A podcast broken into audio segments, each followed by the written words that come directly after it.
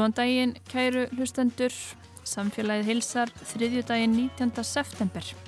Það er Artur Haldunardóttir sem er umsunum aður og í skarð Guðmundar Pálssonar hleypur í dag Guðrún Haldunardóttir. Og ætli þetta sé ekki bara sögulegt í útvarpi, útvarstáttur, tvær Haldunardættir. Öruglega, ég er alveg vissum það að það allavega ekki gerst ofta ára á seitt. Nei, ég held, ég held við getum fullir það að það ekki gerst oft. En það er alls konar framöndan hjá okkur. E, þau merku tímamót urðu nú rétt á þenn að skip af stærri gerðinni, eins konar skemmtifærðarskip var landtengt, tengt í rafmagn í Reykjavíkurhöfn og Gunnar Tryggvason hafnastjóri Faxaflóa hafna við ætlum að reyna að ná í hann hérna á eftir En samíska og fleiri minnuluta tungumál eru í brenni deppli á ráðstefnu sem nú stendur yfir í hveragerði. Eidís Inga Valstóttir, verkefnastjóri Nordplus á Íslandi veit meirumálið. Svo fjöldum við um reyðufí og hvort að borgi sé að nota seðla í dag. Þetta er setni hluti af viðtali við Gunnar Jakobsson, varasælabankastjóra. Og Anna Sigurður Þráinsdóttir, Málfossraðanautur, kemur svo til okkar í Málfossbjall undir lokþáttarins.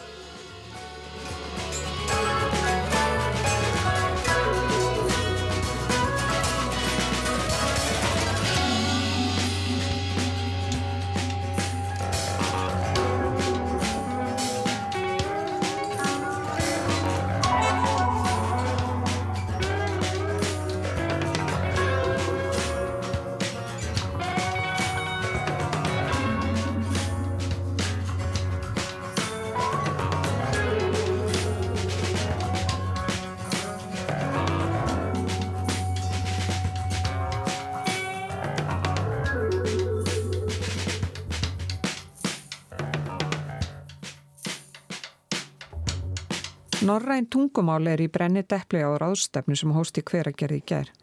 Það er meðal annars fjallað um hvernig er hægt að epla norrænan tungumálaskilning. Eitís Inga Valstóttir, umsjónamaður Nord Plus, norrænu tungumála áætlunarinnar hjá Rannís, er komin hinga til okkar í samfélagi. Velkomin. Takk alveg fyrir. Nord Plus, norræna tungumála áætlunin, ertu kannski til í að segja okkur aðeins frá henni? Já, Norrplus Norranna tungumála áallinin er eina fimm undir áallunum Norrplus sem er menta áallin Norrannu ráðherranemdarinnar og við rekum sagt, þessa undir áallun hjá Rannís en erum einnig landskrifstofa fyrir Norrplus á Íslandi fyrir öll, alla fimm undir áallunir. Og hverjar eru þessar hinnar fjórar þá undir áallinir? Já, Norrplus spannar sagt, allt frá bara leikskóla og í, í fullorðisfræðslu þannig að við erum, tökum á bara öllum stegum mentunar. Og þið eru sagt, hér með tungumálinn þá, sagt, þessi norrænu tungumál? Já, Ísland sér um og rekur sagt, þessa undir áallun uh, á öllum Norðurlandunum eistrasalsvíkjunum og er svo líka uh, upplýsingaskrifstofa fyrir hinnar undir áallunar sem eru já, leik, grunn og framhaldsskólasteg, svo eru við með háskólasteg, við erum með þvertaskólasteg og svo eru við með fullarsfræðslu. Og hvað eru þið að ræða á þessari ráðstöfnu? Þetta er tengslaráðstöfna og við erum reglulega með slíkar ráðstöfnur þar sem við auglísum eftir plásum og þá koma saman fólk sem hefur áhuga á málefninu og þessu sinna ætlum við að ræða norrannan tungumálaskilning. Í víðu samengi ætlum við líka að uh, ræða aðkomu óbembara minnilutatungumála að uh, norrannu tungumála áalluninni en við sagt, uh, hófum nýtt tímabill núna 2023-2027 og þá er þess að óbembar minnilutatungumála á Norðurlandurum í fyrsta skipti þeim er velkomið að sækja um eða sagt, geta sótt um verkefnarstyrki samtök og skólar sem hafa áhuga að vinna með þau tungumál. Hvaða tungumál eru það? Það getur verið samiska, það er mjölingeli, uh, rómanska, já, það fer svolítið eftir löndunum en, en það er þessi kvenska sem er töluð já, mörgum Noregs og Finnlands. Þannig að þetta eru svona ímið svona lítil tungumál sem að hafa fengið, fengið sagt, stöðu ofinbess minniluta tungumáls og þá er þá aðalega í Noregi Svíþjóð og Finnlandi sem á þessi tungumál eru til. Og eru þetta þá tungumál sem eru bara jafnvel í útrýmingahættu? Já og við tellum líka að með því að hafa svona ráðstöfnið þar sem við erum að tala um tungumálaskilning, norranna tungumálaskilning, þá getum við líka að tala um íslensku, færesku, grænlensku og rætt svolítið hvernig við erum búin að vinna með þau tungumáli, þau eru alveg lítil uh, þó að þessi séu, þú veist, ofinbjörður minnilita tungumálinn séu ennþá minni en þá er, þú veist, ímislegt sem við getum nýtt okkur þarna milli tækni og tækja tól og um, vinnuðaferri sem hættir að nýta til þess að viðhalda þessum tungumálum og, og búa til námsefni og slikt til að koma þeim áfram þannig að þessi tungumál fá að lifa og það er hluti af stefnun orðinir áþæranemdarinnar Einmitt, nýsköpun. Hva, hva, hvernig virkar nýsköpun í þessu? Það getur verið bara ímislegt. Það getur verið einhvers konar ný aðferðafræði í kennslustofinni en við erum líka bara að sjá mörg ný verkefni sem er að spretta fram á sviði gerfigreindar eða á sviði bara alls konar tungumála tækni í dag. Það er verið að taka fram taka fram tölvuleiki og, og upp til þess að vinna tungumál og það er alltaf að færast í aukar og það getur líka verið bara einmitt, þú veist, ímislega svona tækni sem að kannski ég og þú myndum ekki nýtt okkur en, en sem tungumála sérfræðingur þá, þá getur nýttir einmiska gagnagrunna eða, eða einhvers konar uh, forrið til þess að vinna með tungumál. Minni hluta tungumál, hvað eru þetta mörg tungumál svona á að giska? Þetta eru um tíu tungumál. Og er þetta margi sem að tala þessi tungumál? Er þetta þúsundir eða er þetta, teljum við þetta bara í hundruðum eða jafnvel í tögum? Sko ég held að viss eru hundruðir og aðra eru kannski þúsund en svo eru við með kannski svo samísku sem að deilist í margar, margar eh, mállískur og þá eru við kannski að tala um söður samísku sem að það sem eru bara kannski 60-70 mann sem að tala tungumálið þannig að það, það er, þetta eru mjög lítil tungumál oft en samt sem áður mikilvægt að, að varðvita hann menningararf. Akkurat og er mikill áhugi á að viðhalda norrænum tungumálum? Já, ég myndi segja það. Við fengum allan mjög margar umsóknir um að fá að taka þátt í tengslarafstöndun okkar og færri komur stað en, en gáttu þannig að við aðna, erum að taka móti um það byrjum 50 manns núna í hverja gerði og bara mjög spennt verið því og þurftum að segja nei við marga. Og hvað, hvaðan kemur þetta fólk? Er þetta, er þetta háskólafólk eða? Það er alla vegna. Við erum með fólk úr háskólastofnunum, profesorar og doktorsnemmar og svo erum við með framhaldsskólakennara, við erum með fólk úr tungumálaskólum og, og frálsum félagsamtökum sem að starfa eða koma að miðlun norræna tungumála þannig að þetta er bara ímislegt hátt og látt, eitt leikskólakennari og, og svo framvegs Og eru margir íslendingar sem taka þá? Það eru sex íslendingar að, og það er bara akkurat það sem Ísland fekk þau plásum Ísland fekk þannig að við fylgtum þau alveg strax. Og rástafnan fer fram á skandinavísku. Já. E, og þarf ekkert að tólka skilja allir og tala skandinavísku sem taka þátt? Já, sko Við auglistu á þannig að það væri hægt að taka þátt en sagt, þó maður kynna ekki skandinavisku en að það væri hægt að byggja um tólk en, en það verðast allir geta að tala skandinavisku þannig að það, er, það verður kannski einhverju svona smá prívat tólkar hér og þar en, en við ætlum að reyna að láta þetta fara fram á skandinavisku. Og er fólk að taka þátt sem að talar þessi minnulöta tungumál? Er, eru fulltrúið þeirra líka á rástafninni? Já, við erum með þarna fulltrúa frá samtöngum sem vinna að rómansku í Svíþjóð eh, sem ætlar að segja frá sínu verkefni sem fekk stuðning núna 2003 þannig að það verður mjög spennandi og það eru, eru fólk sem hefur uh, þekkingu og, og kunnáttu í þessum tungumálum. Rómanska, eittis, hvaða tungumál er það? Uh, tungumál er talað af rómafólki uh, sem hefur dreift sér við svegarum Evrópu og, og á sterkar rætur í Skandinavíu meðal annars í Danmörku og Svíþjóð. Og það er náttúrulega samíska eins og þú sagðir á þann og það eru þó nokkur einmitt fjöldi sem að talar hana eins og þú sagðir og þetta eru mismunandi greinar eh, tungunar. Samíska, er hún lík sænsku eða? Nei, hún er af allt öðru tungumála allt öðrum tungumála flokki þannig að hún er ekki lík skandinavisku tungumálunum. Já, er ekki indo-evrós tungumál sannsett? Nei. Og Nordplus, uh, norræna tungumáláallunin, hún er líka veit að styrki, er það ekki? Jú, það er bara akkurat það sem við gerum. Við erum að veitu styrki fyrir mentaverkefni og erum akkurat núna með opið fyrir umsóknir um undirbúningsheimsóknir og það er hægt að sækja um bæði í Norrannu tungumála áalluninni. Það er líka hægt að sækja um undirbúningsheimsókn í fullurisfræslu hlutunum okkar og fyrir leik grunn og framhaldsskóla í eh, Norplus Junior sem það heitir. Er þetta þá þannig að til dæmis segjum að grunnskóli, eitthvað kennari óski eftir samstarfi svona styrk í samstarf og þá getur hann fengið styrk til að mynda samband við eitthvað annan grunnskóla annar staðar á Norrlöndun. Já, akkurat.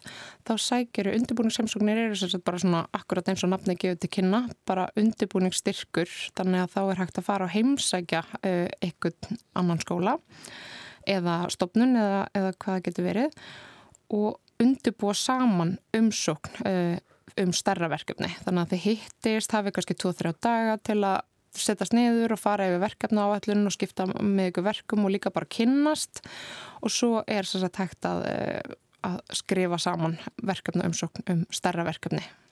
Hefur verið mikill áhuga á svona tengslanetti hér á Íslandi? Já, við erum alltaf með mjög marga, marga íslenskar stofnanir sem taka þátt og skóla og bara fer fjölgandi. Þannig að það er mikill áhugi og við sjáum það alveg bæði í Norrplus og, og öðrum áallunum sem rann í sér ykkur. Þannig að við erum mjög ánað með framlag Íslandinga. Það má alltaf gera betur og það er alltaf hægt að sækja meiri, meiri pening. Þetta er alveg þart uh, umkörfi að fá aðeins uh, pening til að sækja sér endumöntun eða, eða einhvern innblástur í, í starfið bæði, bæði innan uh, skóla eða, eða annara stofnana. Já, þú getur einmitt farið í endumentun jafnvel í öðru norrannu ríki. Já, í Norbrus júnior er hægt að sækja um styrki fyrir slíkt, fyrir uh, kennaraskipti, kennaraheimsóknir uh, og svo framvegis. Þannig að það er alveg ímislegt í bóði. En það er líka í bóði að sækja um styrki til að fara með nefnda hópa í heimsóknir og það er svona svolítið sérstafans í Norbrus júnior sem er fyrir leikurinn og framhaldsskólastig og starfsmentun. En svo erum við Norbrus norrannu tungumála áallinu það sem er meira svona meira, komur að segja, svona verkefnastyrkir þar sem að vera meira að þróa eitthvað, svona þróunaverkefni. Eitís, er eitthvað svona verkefni sem er í gangi núna sem þú getur sagt okkur frá? Já, við erum til dæmis með eitt mjög spennandi verkefni í hjá sagt, sænskum uh, samtökum uh, rómafólks sem eru að varðveita sögur inn í app þannig að þau eru að taka upp sögur eldri kynsluða til þess að varfita fyrir yngri kynsluður á sínu tungumáli. Þannig að fólk þá heyrir einmitt bæði sko, hvernig, hvernig tungumáli er talað og eins sko, hvernig lífið hefur verið hér áður.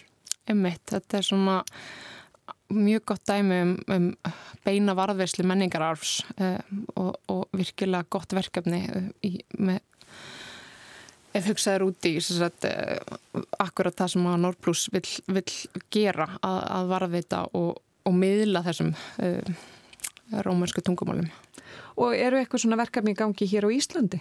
Já, Ísland er mjög öflugt á þessu sviði, það verður að segjast. Eh, til dæmis hefur Háskóli Íslands verið samstagsaðili að mjög flottu verkefni sem er stjórnað af finsku fyrirtæki þess að þeir eru að þýða app, tungumála app fyrir 59 ára börn og fengur styrk frá Norrplus, Norrannu tungumála áallinni til að þýða appið yfir á dönsku, norsku og íslensku. Og nú er það bara í símanum og þú getur bara sóta og það er ókjöpis og bara mæli með fyrir öll börn á þessum aldri. Eh, mjög skemmtilegt app sem heitir Moka Mera Og er það þá þannig að þú bara lærir þá annað tungumál með þessu appi? Já, akkurát og svona minn hefur til og með verið mjög döglegur að nýta þetta til að, til að æfa sér í sænskunni og það er þetta, bara nýta þetta yfir á íslensku sænsku en það er hægt að nýta þetta frá ennsku yfir á spænsku og allt en, en við stóðum á þessum, þessum þýðingar hluta. En í framhaldinu núna þegar þessari ráðstafnu líkur á morgun og verður þá eitthvað svona áliktun samþygt eða er þetta bara til þess að mynda þessi tengsl? Já, sko markmið er að mynda tengslinn og að skapa ný verkefni og að finna grundvöld fyrir fólk til að hittast til þess að fá nýjar hugmyndir og innblástur til, til að koma með eitthvað nýtt inn í verkefna hugmyndirnar eh, og við erum með frest núna annan oktober það er hægt að sækja um undirbúinisheimsóknir og við erum að vona til að, að þessir aðstöfna leiði af sér nýjar og spennandi umsóknir og svo er sagt, eh, umsóknarfrestur 1. februar 2024 næst og þá er hægt að sækja um sagt, verkefni og undirbúinsheimsóknir í öllum flokkum. Og þið hafið ekkert áhyggjur af stöðu norrætnu tungumálana svona gagvart eins og ennskunni?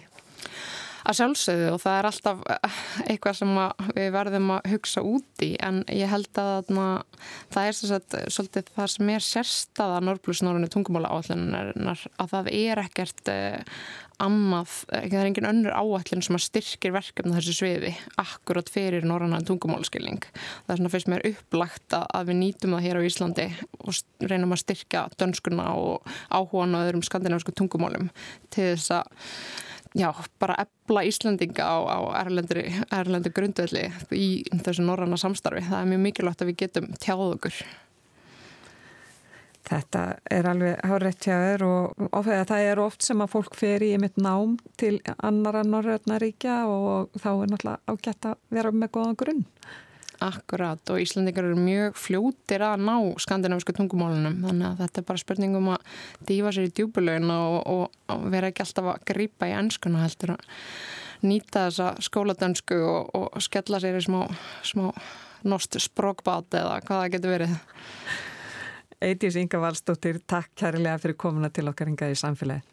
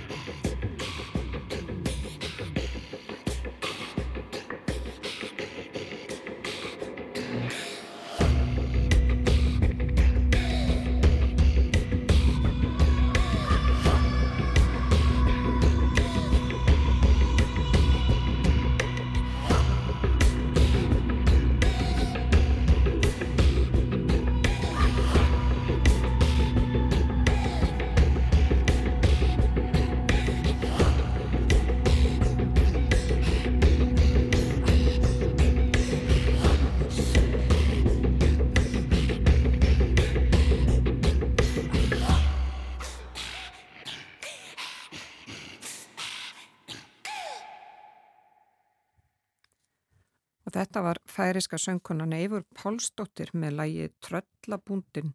Það var svona tilhýðilegt að spila eitthvað á færisku eftir spjallið við Eidísi Ingu Valsdóttur sem er verkefnastjóri á Nordplus og Íslandi um minni hluta tungumál. En Eifur, hún hlautið með tónlistavellu Norðurlandaráðs fyrir tveimur árum og í raukstunningi domnemndarina þá segir að Eifur hljóti velunin fyrir að hafa með þrótleusri vinnusemni undarfæri nárbeint sjónum um heimsins að heimalandi sínu og fyrir að vinna kostkjafni með eigin tónlistar, arfleið og móðurmál. Og að því að við verum nú að tala um norræn tungumál og þá er á förstu daginn vestnorræni dag, dagurinn, haldin hátilegur hér á Íslandi og þar verður rættum með mitt stöðu móðumálsins og áhrif dönsku og ennsku og vestnorræna svæðinu. Þannig að þetta er mikið norræn hérna, sveibla á þessu þætti í dag hjá okkur. Það má, má segja það með sanni. Ég er að hugsa um hvort við ættum að reyna að gera eina tilröndi viðbútt til að heyra í honum Gunnari Tryggvasinni uh, hafnastur á Faxaflóðahafna. Já, það búið að vera nóga að gera hjá honum í, núna í hátteginu. Já, það eru tímamót, það eru náttúrulega tímamót að við séum að stýra þessum þætti, en það eru önnur, kannski stærri tímamót við Reykjavíkur skilsmir þar sem var verið að tengja Já, einhvers konar skemmtifæðarskip við Ramagn í fyrsta sinn. Ja. Við ætlum allavega að gera loka tilraun. Gerum það. En það má líka alveg taka fram að við erum ekkert skildar við Arnhildur. Nei, við erum ekki sýstur. Já, eh, Gunnar, ertu, ertu þarna? Já, ég er, enna, ég er að fara í viðtal. Áttu, er þetta Arnhildur? Þetta er Arnhildur, já, já. Já, ok. Má ég ringi eftir, ef þú segja þrjár?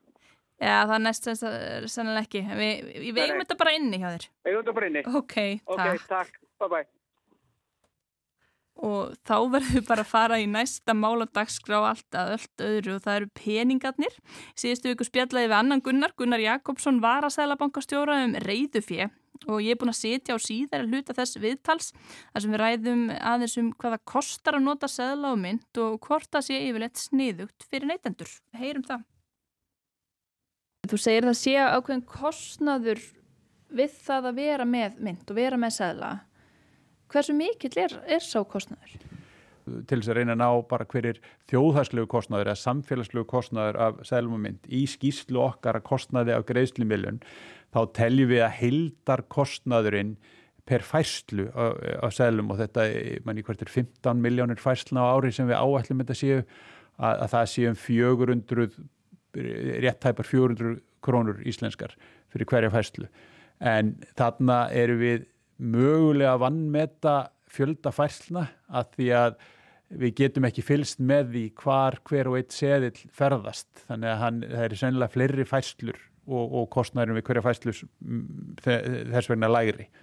Þá ert að vísa kannski í svona einhvert skuggahagkerfi? Nei, ekki endilega skuggahagkerfi, bara ég lætt dóttu mín að fá þúsund krónur til þess að fara í badnaamæli, það er einn færsla, amælisbadnið fer síðan með þúsund krónunar út í búð og kaupir sér eh, eitthvað og það er önnur fæsla, búðin gefur þann seðil tilbaka til eh, einhvers þriði aðila sem síðan aftur fer á einhvern annan stað. Þannig að fljótur, það er fljótar að komna að telja fæslunar við, eh, það er erfitt að áætla hversu eh, mikil reyfing er á seðlum og mynd en auðvitað líka eins og þú nefnir að, að það er eflaust verið að nota seðla í einhvers konar undirheima hagkerfi. Við höfum hins vegar ekki neina yfirsýn yfir það í seðlabankanum Svona þú talar um það, það er ansi dýrt og vantala miklu dýra fyrir ríkið að fólk sé að borga með peningum heldur en að það borgi með greiðslukortum eða einhverju þess að þar. En það er ódýrara samt fyrir neytendur að nota peninga. Svo segja líka sumir að það sé betra fyrir þá sem vilja spara og svona bara halda á peningunum og svona hérna, handleika þá og þá fái fólk betri yfirsýn en þegar það splæsir með kortinu. Varandi þennan síðasta punkt, rannsóknir sína það klárlega, það er uh, utan verksvið Sælabankans að, að hafa áhrif á eh, neysluhegðun e, fólks.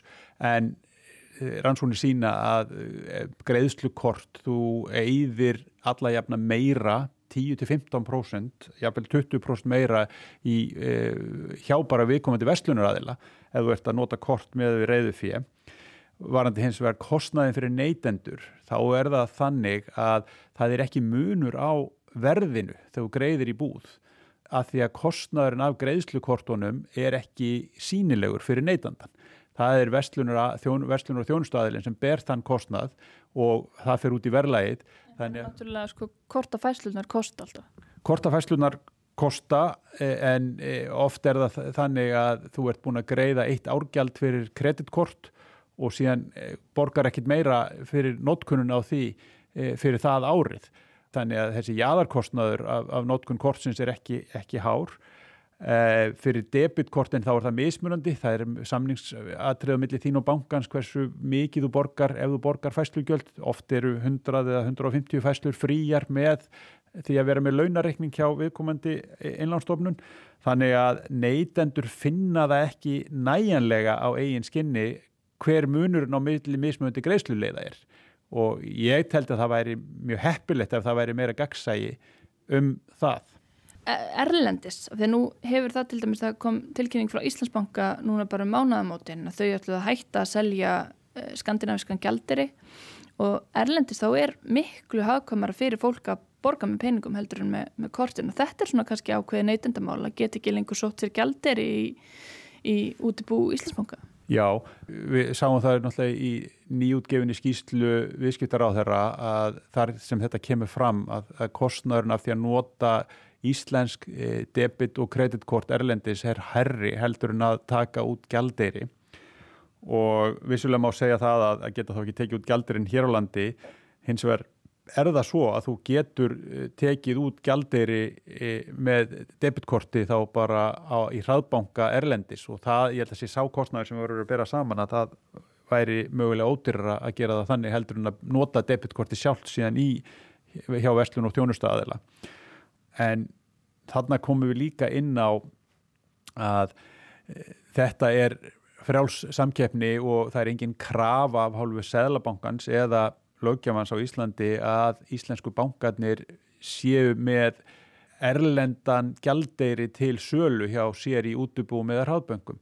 Þannig að þetta hefur verið í rauninni ótrúlega góð þjónusta á Íslandi að geta náði gjaldeyri í útubú íslensku bankana og að þýlitun er það slemt að þessi draga úr þeirri þjónustu en þetta er frjáls starfsemi og bankarnir meta það svo að þetta svar ekki kostnaði Þetta er kannski þá eitthvað sem við sjáum meira af á næstunni að þetta drægi úr þessari þjónustu og því að geta kemst gælderi innanlands. Mögulega, ég, einmitt, ég, það er erfitt fyrir mig að spá fyrir um það en, en þessar, það er svona vísbendingar allavega með að við frettaflutning af því að, að eins og nefndir að Íslandsbanki væri að hætta og, og, og mögulega fleiri eh, innlandsstofnanir þannig að, þannig að það eru svona vísbendingar um það. En þetta er kannski ákveð hagsmunamál fyrir fólkum ákveðnur hópar sem að vilja halda fast í og berjast fyrir því að fá að nota sæðlana.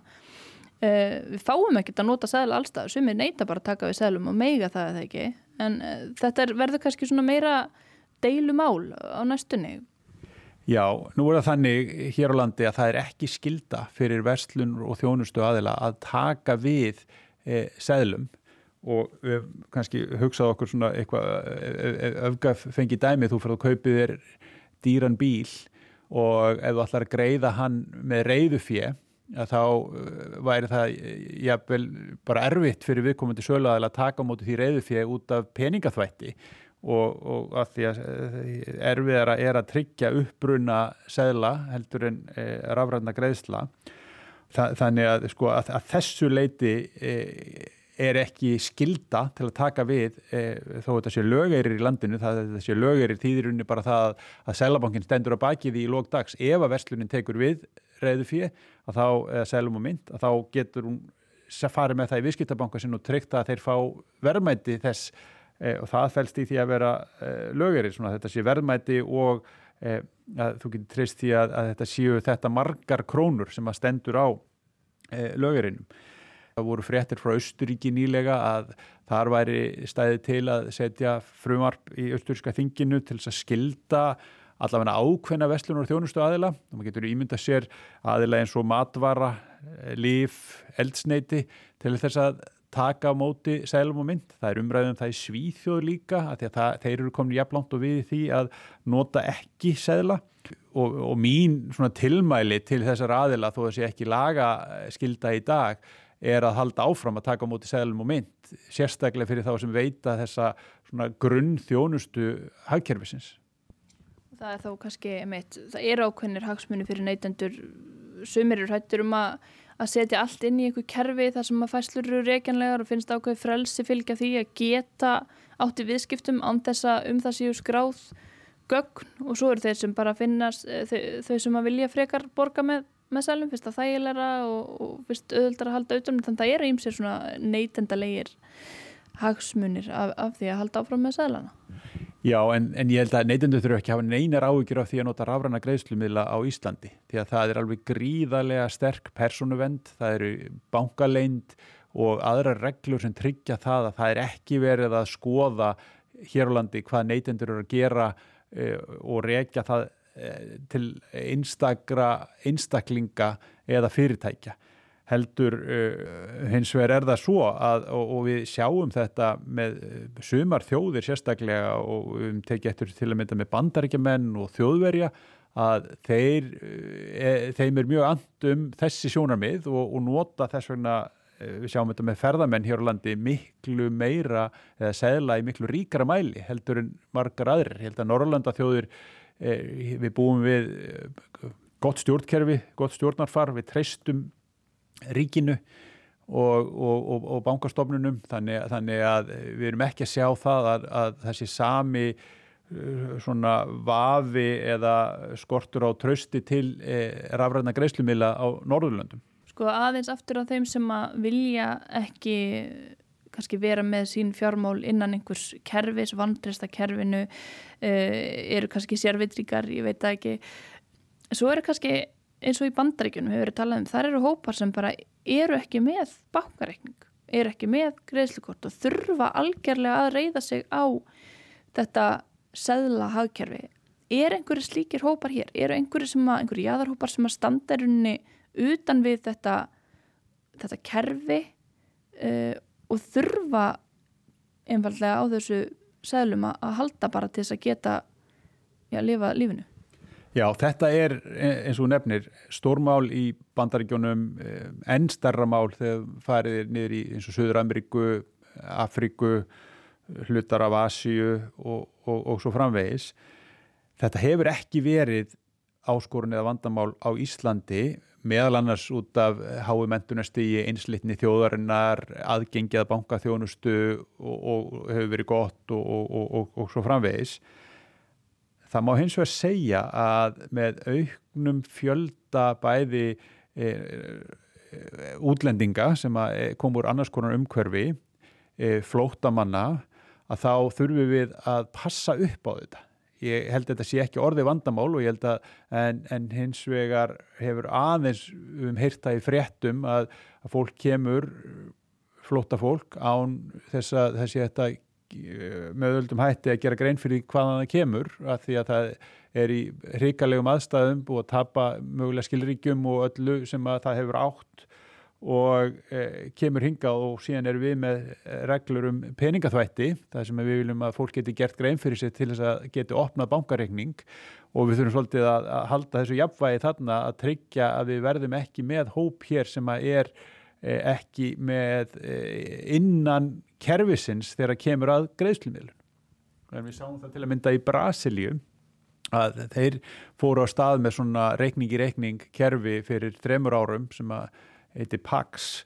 Þar voru þeir með svipaða stöðu við að, að, að varandi greiðslukortin, 90% af smágreiðslumiðlum voru í greiðslukortum, hjá þeim sem höfðu aðganga greiðslukortum en stærstu hluti þjóðarinnar var ekki eins og með aðganga greiðslumiðlun en með því að kynna þennan nýja reikningi reikninglaus og, og liðka fyrir því að fólk geti opnað e, greiðslureikning þó það væri ekki endilega með bankareikning þar sem geti stunda hefbundir bankaviðskipti að þá hefur þeir náð til stórs hluta þjóðarinnar og eld e, greiðslumiðlun og aðgengi þeirra sem voru áður án bankaþjónustu að greiðslumiðlun. Þetta er náttúrulega mikilvægt.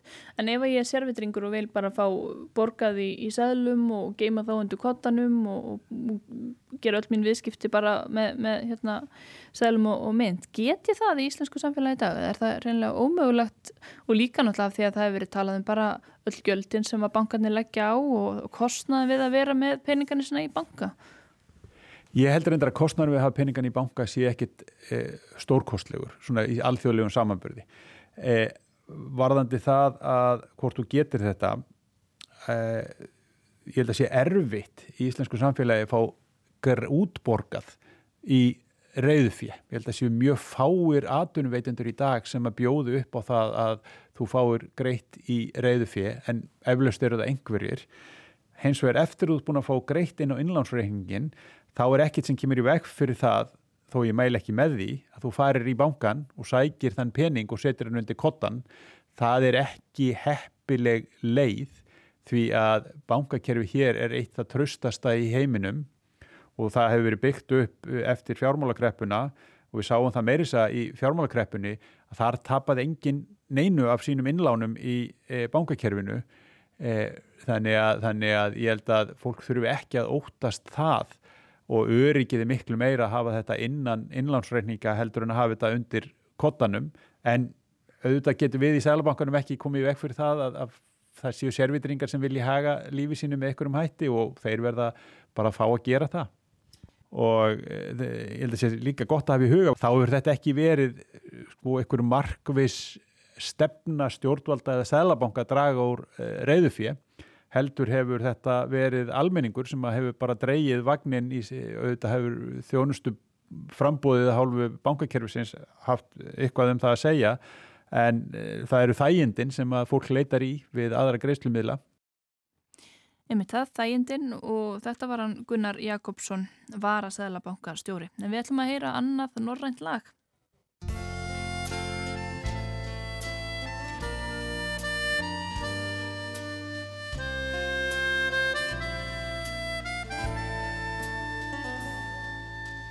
Veien hjem var mørk og lang, og ingen har jeg møtt. Nå blir kveldene kjølige og sene. Kom hit og trøst meg litt, for nå er jeg ganske trøtt. Og med ett så forferdelig alene. Jeg merket aldri før at mørket var så stort. Går og tenker på alt det man burde. Det er så mange ting som jeg skulle sagt og gjort. Men det ble så veldig lite jeg gjorde. Skynd deg nå, elskede, skynd deg å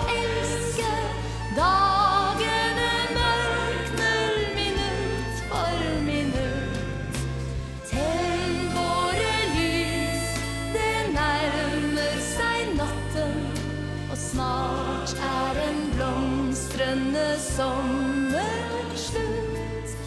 Jeg leter etter noe som vi kanskje glemte helt, men som du kunne hjelpe meg å finne. En sommer går forbi, den er alltid like kort. Den er drømmen Men du vil kanskje komme før skumringen blir blå, og før engene står tørre og tomme. Kanskje finner vi hverandre, kanskje du og jeg kan få se det blomstre før dagen er omme. Skynd deg nå, elskede, skynd deg å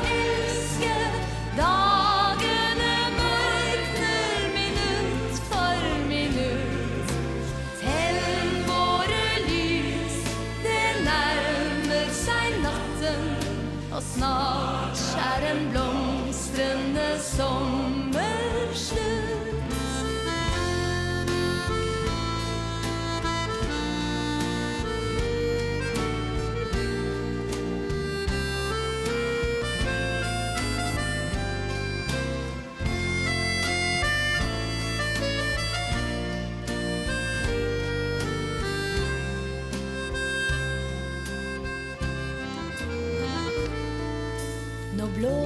stormen ute og stenger sommerens dør. Det er for sent til å danse og leke. Jeg elsker kanskje mindre enn det jeg gjorde før. Men mer enn du noen gang får vite. Nå ser vi fyr som blinker på høstens lange kyst. Hører bølgene slå inn mot stranden. Et eneste er viktig, og det er hjertets lyst. Og at vi får være sammen med hverandre. Så skynd deg nå, elskede, skynd deg nå å elske.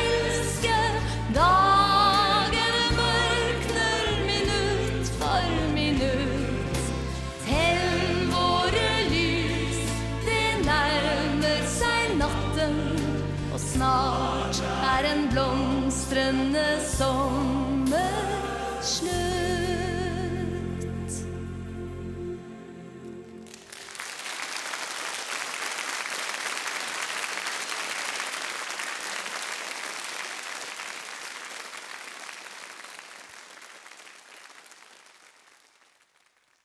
Og þetta var lægið Höstvísi, Höstvísi í flutningi norsku söngkonunnar Hanne Kró. En þetta lag, Höstvísa, er einmitt uppháðlega finnst og textin er eftir rítöfundi þekta Tói Jansson. Og já, en Hanne Soks er, nei Krók er sannilega þekktust hér fyrir að vera hluta tvíeikinu Bobby Soks sem að, og þær fórum þannig sem gerði Garðin Frægan í Eurovision 1985 með lagi Lati Svinge Já, nú fæ ég það á heila Nú fæ ég lagi, lagi Lati Svinge á, á heila mann eftir því Já, já, þetta var sem sagt ári áður en Ísland tók í fyrsta skipti þátt með Gleðibankanum 1986 En það er nokkið eins og ég sé sérfrangur í Eurovision en Og það, það er svo sem ekki til umræði hérna sérstaklega, þetta var ekki planinu. Á planinu var náttúrulega að, að ringja í hann e, Tryggva Gunnarsson hafnastjóra Faxaflóa hafna. Já, Gunnar var bara á línunni hjá okkur bara aukna blik að því miður, þá vorum við bara í vandraðum með, Já, með tenginguna, þannig að Já. það er svo leiðis bara stundum. Var, ég var aðeins og, fljóta á mig þetta en við vonandi spjöllum bara við þannig um þetta merkilega þessi merkilegu tímamót setna og nú er hún komin til okkar, hún Anna Sigriður Þráinsdóttir málfarsráðunautur Rúf og hún er nú reglulegur gestur svona í mýflugmyndi í samfélaginu með málfarsmínututnar vinsalu en núna erum við að spá í að spjalla við þig svona hálsmánaðalega á þriðjutugum um málfar. Það er endalist að það spjalla um málfar, velkomin til okkar. Takk fyrir, já, sannlega hægt að tala endalist um íslensk mál. Það er svo skemmtilegt. Já, og hvað ætlum við að spjalla um í dag? Það eru nýjirðin, er það ekki? Já, kannski Búin að vera að sinna þeim svolítið í síðustu málfarsmínútu Já, svona hlustendur málfarsmínútunar fylgjendur málfarsmínútunar hafa kannski mínútunar hafa kannski heilt mér tala svolítið mikið um rafskútur upp á síkastið mm -hmm. hafa verið mér hugleiknar og tilfellið enn og eila það, það það er svo margt hægt að segja um það að, um mörga þessum orðum og margt að því sem ég er að tala um að það kemst eiginlega ekki fyrir í einni mínútu. Það er svona tegist það svo ofta svona á nokkrar mínútur. Skiptir þessu upp Já, Já einmitt og reynir nú samt að gera þær þannig að það er hljómi ekki allar alveg eins. En uh, það, og líka reynir ég nú að gera þær þannig og garði að fólk geti komið og að þeim og, og hlusta á þar og skila þær á þess að hafa heyrta sem undan er farið og það sem ég verið að velta svolítið fyrir mér þessum rafskútum, það tengist auðvitað bara svona alls konar vangaveltum um nýjirði í íslensku sem að eru, eru auðvitað margvísleg og hérna og þau, það má eiginlega segja að nýjirði bara sturtist inn í máli með hverja einstu nýjung sem kemur til mhm. landsins. Mm. Tækni nýjungunum. Já, tækni nýjungar Eh, hvað hefur kallað orguskipti, samfélags, hérna, samfélagsmiðla, byltingunni og svo framvegis og svo framvegis. Það er bara einhvern veginn allt sem gerist í kringum okkur kallar stöðut á nýjórð.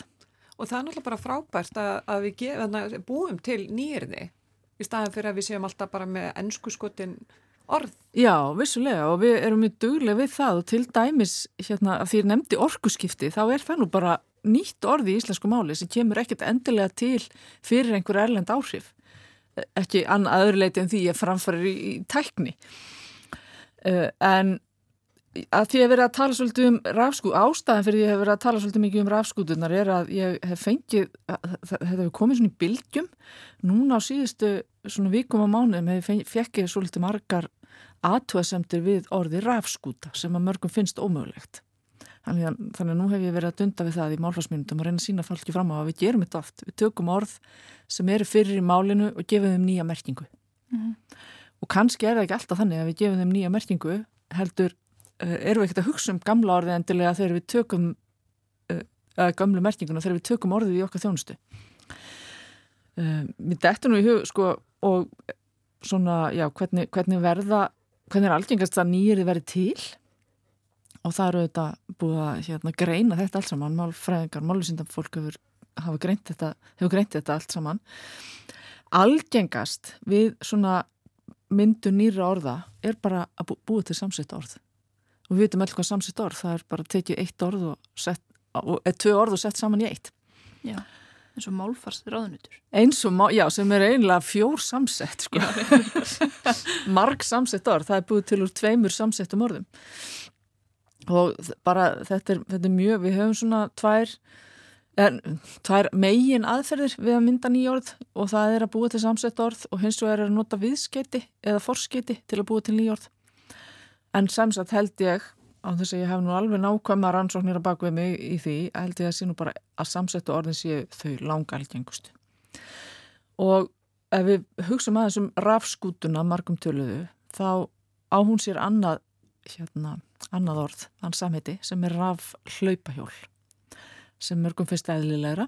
Þá segir ég, er það eitthvað eðlilegra? Því að það er það, þarf ekkert að hlaupa neitt á, á hlaupahjólum nútímans. Nei, nú stendur maður bara kýr Já, rafskútunni stendur, rafhlaupahjólinu stendur maður kýr uh, en ef við tökum kannski aðeins eldri orð, veltu því því nokkuð tíman fyrir ykkur að orðið svo aukskutti skuli vera nýjirði í íslensku það fyrir mig snirtuðurnar mann er það bara rosa tamt sko. Er, er varalitur það þá ekki líka? Jú, varalitur, kinnalitur aukskuti, þessar snirtuveru sem við notum dagstæðlega uh, eru yf yfirlega komnar inn í málið sem, sem ný samsett orð.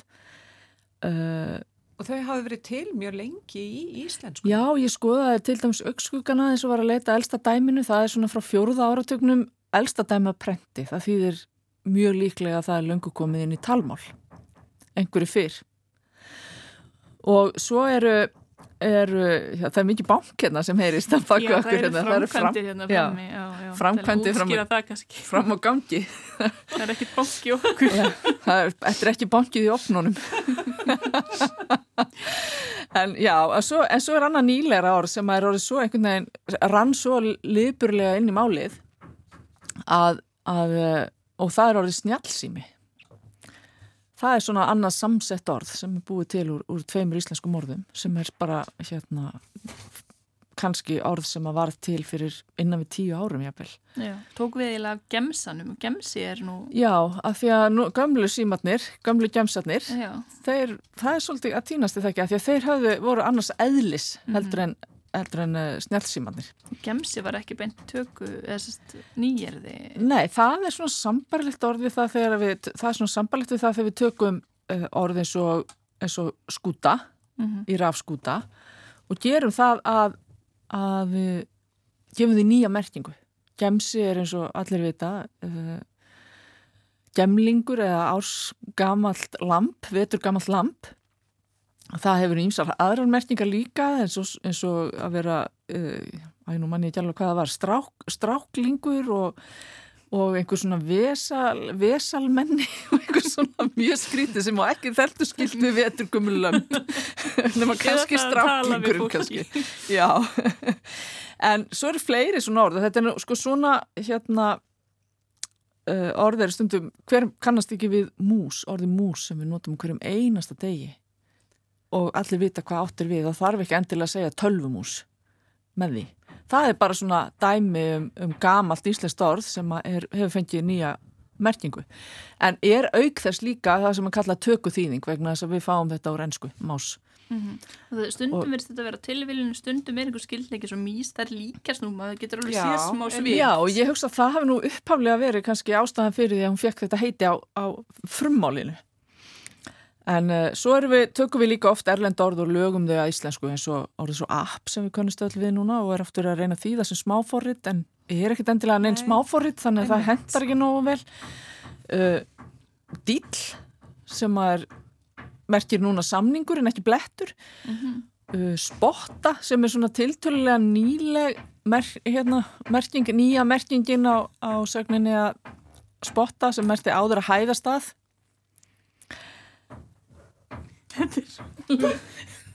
Það er upplausn í stúdíónu eh, það er vegna þess að það banka er svo mikið bank hérna það er verið að, það að laga glukkana svo er hægt að leka í Ósköp það- einfalt. Þetta er svona aðeins háværi framkvæmt en hafa verið, þú að við Já. stað við núna, já, tíma. dagana, sko. En svo er, annað, svo er eitt nýtt orð sem að ég rakst á umræðu um er orð sem hefur fengið nýja merkingu sem að er ja, uh, tímalus.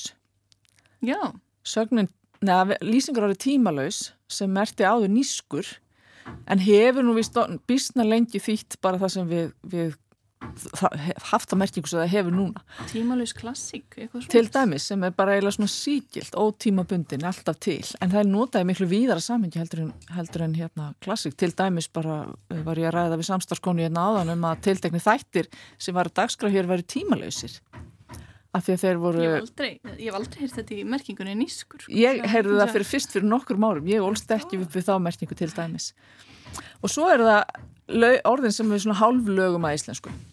Þau eru líka tökuorð þó þau heit, eh, nei, nýjirði þóttu heiti lengi vel tökuorð. Og þá ef við heldum okkur áfram við snirtuvörnar þá er það orðin svo sko maskari, við höfum tekið það alveg, laga það að íslensku. Eyeliner hins vegar, það er voða óíslenskulegt orð. Stundum talaði um já. en það er ekki alveg rétt Nei. lýsing af því að þetta verkfæri er margvistlegt og getur verið blíjandur, getur verið pensil, getur verið eitthvað allt annað. er það íslenskt orð eða ertu með eitthvað, er eitthvað annað orð sem kemur höfni þér? Augun, Ég er svo línu- lítið, ég er svo ítla að mér í snirtuverum, ég hef það ekki. en svona getur þetta verið og, og svona getur við haldið áfram með, með, eh, með alls konar hérna, að, leik, að að velta fyrir okkur þessum nýjirðum í málinu því að þau eru svo margvísleg og mörgum margvísleg. Það myndi áhugavert að þið Og- verði til með svona ólíkum hætti. Já, við notum alls konar leiðir, við lögum þau að íslensku, við tökum, við, sko, þess að töku þýðinga sem ég nefndi eins og með músina, snjallsými sem ég nefndi aðan er líka töku þýðing, þýðing á smartphone, mm. heimasíða, orð sem við notum mjög mikið, það er líka töku þýðing, þá er í rauninni hver orðliður tekin og þýttur beint, Mhm. án þess að það endilega tali beint inn í íslenskt máli, svo bara lagast þetta svo fljótt á málinu. Verða oft svolítið svona kannski leiðilegri, Já, verið, staklkendari já, og, og mörg, orð til. heimasíða fyrir til dæmis í töðunar á mjög mörgum og sem að segja að sé ekki rétt þá sé ég réttar að tala um vefsíðu eða bara vefi en svo er náttúrulega orði, málið er alveg morandi í, í þessum uh, nýrðum og tökuorðum sérstaklega og við áttum okkur ekkert alltaf á því að, og hættum, þau hættu auðvitað með tímanum að verða eða ekki. Já, Jú, og, sögusviki jú, og fleira. Já, einmitt og verða bara partur af orðaforða málsins og ég er það náttúrulega alltaf. Hversu lengi hefur við að tala um aukskugga sem nýrði? Akkurat, Já, Það akkurat. búið að vera í málinni öll á 70, íslensku kannski 80 nýyrði. ár. Já. Þetta var áhugavert. Takk kærlega fyrir að, að koma og ræða þetta við okkur Anna Sirju Þránsdóttur og bara við heyrumst aftur eftir tvær vikur. Já, kannski stoppum bankið í opnunum fyrst. Því Það væri rosa gott. Þetta er eh, svolítið trublandi. Það búið að ganga á ýmsu hjá okkur í þessu ganga á ymsu, sögulegu þáttur, ég Já. sagði það upp á Þetta er skemmtilegt. Já, þá bara þökkum við Guðrún Háldanar dóttir fyrir samfélgina í, í dag og samfélagi verður aftur á dagskráni á morgun. Verið Música